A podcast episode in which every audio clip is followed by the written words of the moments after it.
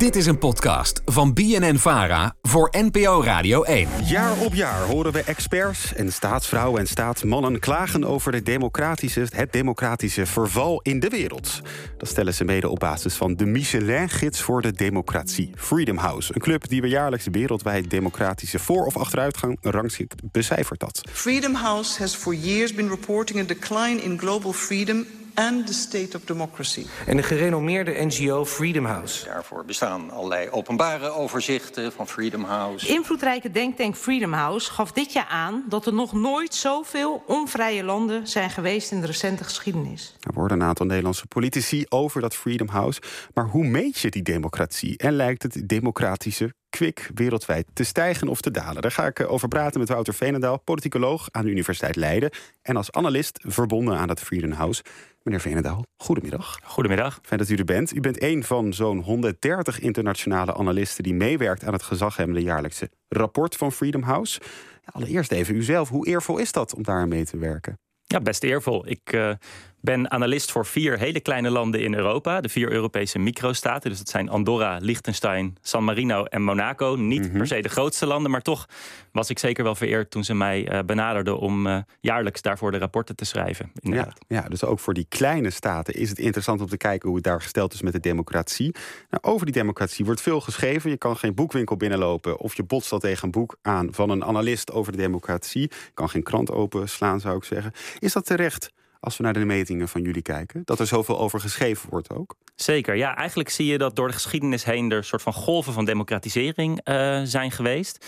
En momenteel zitten we nog steeds in, zou je kunnen zeggen... een teruggolf uh, van democratie. Omdat in de afgelopen 17 jaar Freedom House dus meet... dat democratie wereldwijd achteruit gaat. Uh, en dat kan je afzetten tegen een periode van de jaren 70 tot de jaren 90... Mm -hmm. waarin democratie wereldwijd juist enorm groeide. Ja. Uh, dus we zien die uh, daling wereldwijd in de afgelopen bijna twintig jaar al. Dan hoor ik mensen luisteren. Ja, ik voel dat ook wel dat wereldwijd dat democratie achteruit gaat. Maar ja, goed, jullie doen onderzoek. Er moeten cijfers bij komen om dat goed duidelijk te krijgen. Hoe meet je zoiets? Democratie, het is een breed begrip. Ja, en uh, er moet bijgezegd worden dat Freedom House eigenlijk niet democratie meet, maar vrijheid. Dat zijn natuurlijk twee begrippen die wel heel sterk aan elkaar uh, geleerd zijn. En ze hebben eigenlijk een lijst met nou, iets van 25 indicatoren op basis waarvan ze democratie uh, of vrijheid meten. Dus dat gaat van de rechtsstaat tot vrije en eerlijke verkiezingen, tot rechten van vrouwen, tot rechten van journalisten. Welke is u de mooiste? Uh, ik vind zelf vrije en eerlijke verkiezingen de mooiste, omdat dat echt uh, het kernbegrip van uh, democratie is. Ook zoals wetenschappers over de hele wereld eigenlijk democratie definiëren. Dus die hoort er sowieso bij. Die andere zijn ook een paar, bijvoorbeeld het recht om te staken, waarbij je zou kunnen zeggen van, nou, is dat nou echt nog onderdeel van die definitie van mm -hmm. democratie? En dan aan de hand van die indicatoren worden landen daarnaast gelegd. En nou, het ene land heeft 23 punten en de andere 25 punten. En op die manier wordt die die ranglijst gemaakt eigenlijk. Ja, dus er worden permanent landen ook met elkaar vergeleken... om te kijken van, nou, is het nou eerlijk hoe we dit land beoordelen... ten opzichte van dat andere land. En daarnaast worden ook vergelijkingen door de tijd heen uh, gemaakt. Dus ik ben al nu vijf, zes jaar analist voor die vier landen die ik noemde. En daarbij wordt je eigenlijk elk jaar gevraagd van... nou, zijn er nou ontwikkelingen geweest... waardoor de score van dit land omloog, omhoog of omlaag ja. uh, zou moeten? Zo werkt het eigenlijk. En wat betekent dat voor u dan? Reist u veel undercover naar Andorra, naar Liechtenstein... om daar dan te kijken hoe het gesteld is? Nou, ik heb daar inderdaad veel veel veldonderzoek gedaan. Dus dat is de reden waarom ik gevraagd ben om als analist voor die vier landen aan de slag te gaan. Stelt u zich dan voor als analist of houdt u het een beetje in het vage? Nee, dat doe ik niet. Dus uh, mijn naam staat wel op de website van Freedom House, maar dat uh, doe ik niet direct. En bij het schrijven van die rapporten is het niet zo dat ik elk jaar naar al die vier landen ga. Maar ik hou wel heel erg het nieuws dat vanuit die vier landen uh, naar voren komt in de gaten. Maar ook hoe andere organisaties daar dan weer uh, op reageren. Dus uh, in San Marino is er twee jaar geleden wetten aangenomen om de uh, onafhankelijkheid van rechters in te perken. Nou, dan zie je een heel sterke reactie daarop van de Europese Raad. Mm -hmm. dus dat neem je dan mee bij het beoordelen van de score van San Marino voor dat jaar. Ja, nou, u beoordeelt niet Nederland, maar Nederland krijgt wel ook een cijfer. Ik ben wel benieuwd wat u daarvan vindt. Want in Nederland was de score vorig jaar 97 punten van de 100 kunnen we omzetten naar een vette 9,7. Twintig jaar geleden was dat een 9,9. Scoorden we 99 van die 100 punten. Verbaast u die terugval eigenlijk van 0,2? Nou ja, die, die terugval is dus echt gebaseerd op twee uh, kleine indicatoren. En één daarvan uh, is volgens mij hoe we uh, vluchtelingen en migranten behandelen in Nederland. En dat is een indicator waarin, waarop je ook ziet dat andere Europese landen achteruit gaan. Dus dan heb je het ook bijvoorbeeld ook over de Scandinavische mhm. landen, Denemarken en Zweden. Die strengere wetten die daar worden aangenomen. Ja, strengere wetten waarbij dus volgens Freedom House ook de mensenrechten van migranten en asielzoekers in het gedrang komen. En in Nederland kijken we dan bijvoorbeeld naar de opvangcrisis die op dit moment is. Ja, dat, daar zou je naar kunnen kijken. Kijk, het rapport voor Freedom House voor Nederland, uh, of voor de hele wereld, komt nu pas in februari uh, uit. Dus uh, het is de wachten tot cijfers, ja. volgende maand dat komt. ze weten nog niet hoe ontwikkelingen nou ja, rond de verkiezingen en de kabinetsformatie die natuurlijk gaande is, of dat een impact heeft op die score voor Nederland. dus dat is nog even echt mm afwachten. Dit zijn grote affaires. Een, een, opvangcrisis, maar bijvoorbeeld ook een toeslagenschandaal wordt genoemd in de achteruitgang van die 0,2. Hebben dan vooral grote affaires invloed op zo'n cijfer? Of zegt u ook nou ook kleine dingen die aan de hand zijn in een land kunnen dat cijfer beïnvloeden?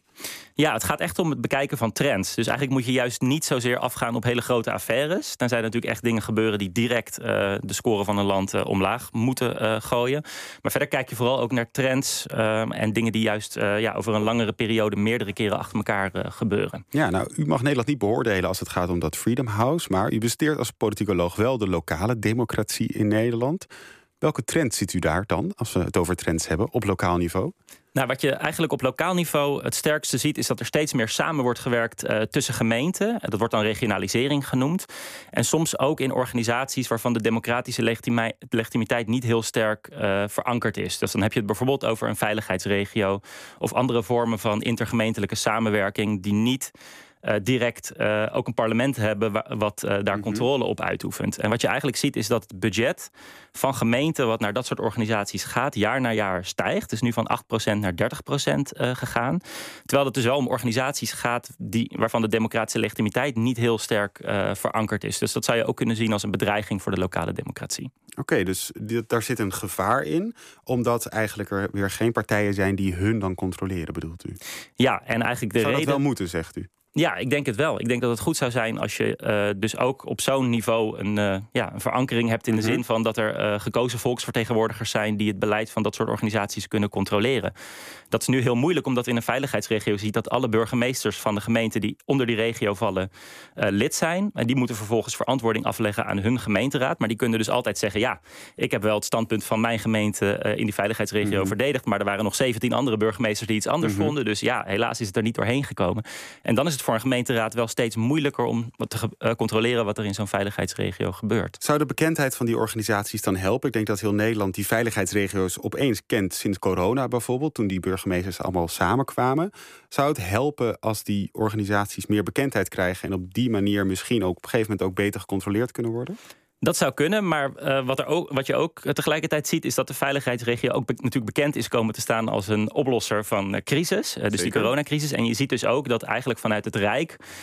wordt gezien van, nou ja, die veiligheidsregio is wel heel erg effectief. Dus misschien kunnen ze ook andere problemen, zoals de opvang van asielzoekers, kunnen ze ons daar ook wel mm bij helpen. En zo zie je dus eigenlijk dat er een dreiging is, dat er steeds meer taken eigenlijk richting zo'n democratisch zwak gelegitimeerde veiligheidsregio uh, verschuiven. Hmm. Zou dan een, beter, een betere samenwerking tussen gemeenten de oplossing zijn?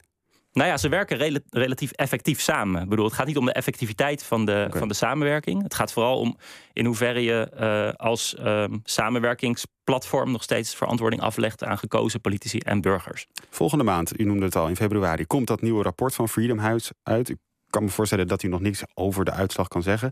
Maar bent u positief of negatief? Ik weet de uitslag eh, zelf ook niet, dus daar kan ik echt eh, helemaal niks over zeggen. Wat voelt ik wel... vast wel iets daar in dat Freedom House. Ja, wat ik wel zie is dat het afgelopen uh, jaar um, er echt wel een kentering leek te zijn in de zin dat de achteruitgang van democratie iets leek te stabiliseren. Dus het aantal landen wat, uh, waarvan de score omhoog ging, was ongeveer gelijk aan het aantal landen waarvan de score omlaag ging.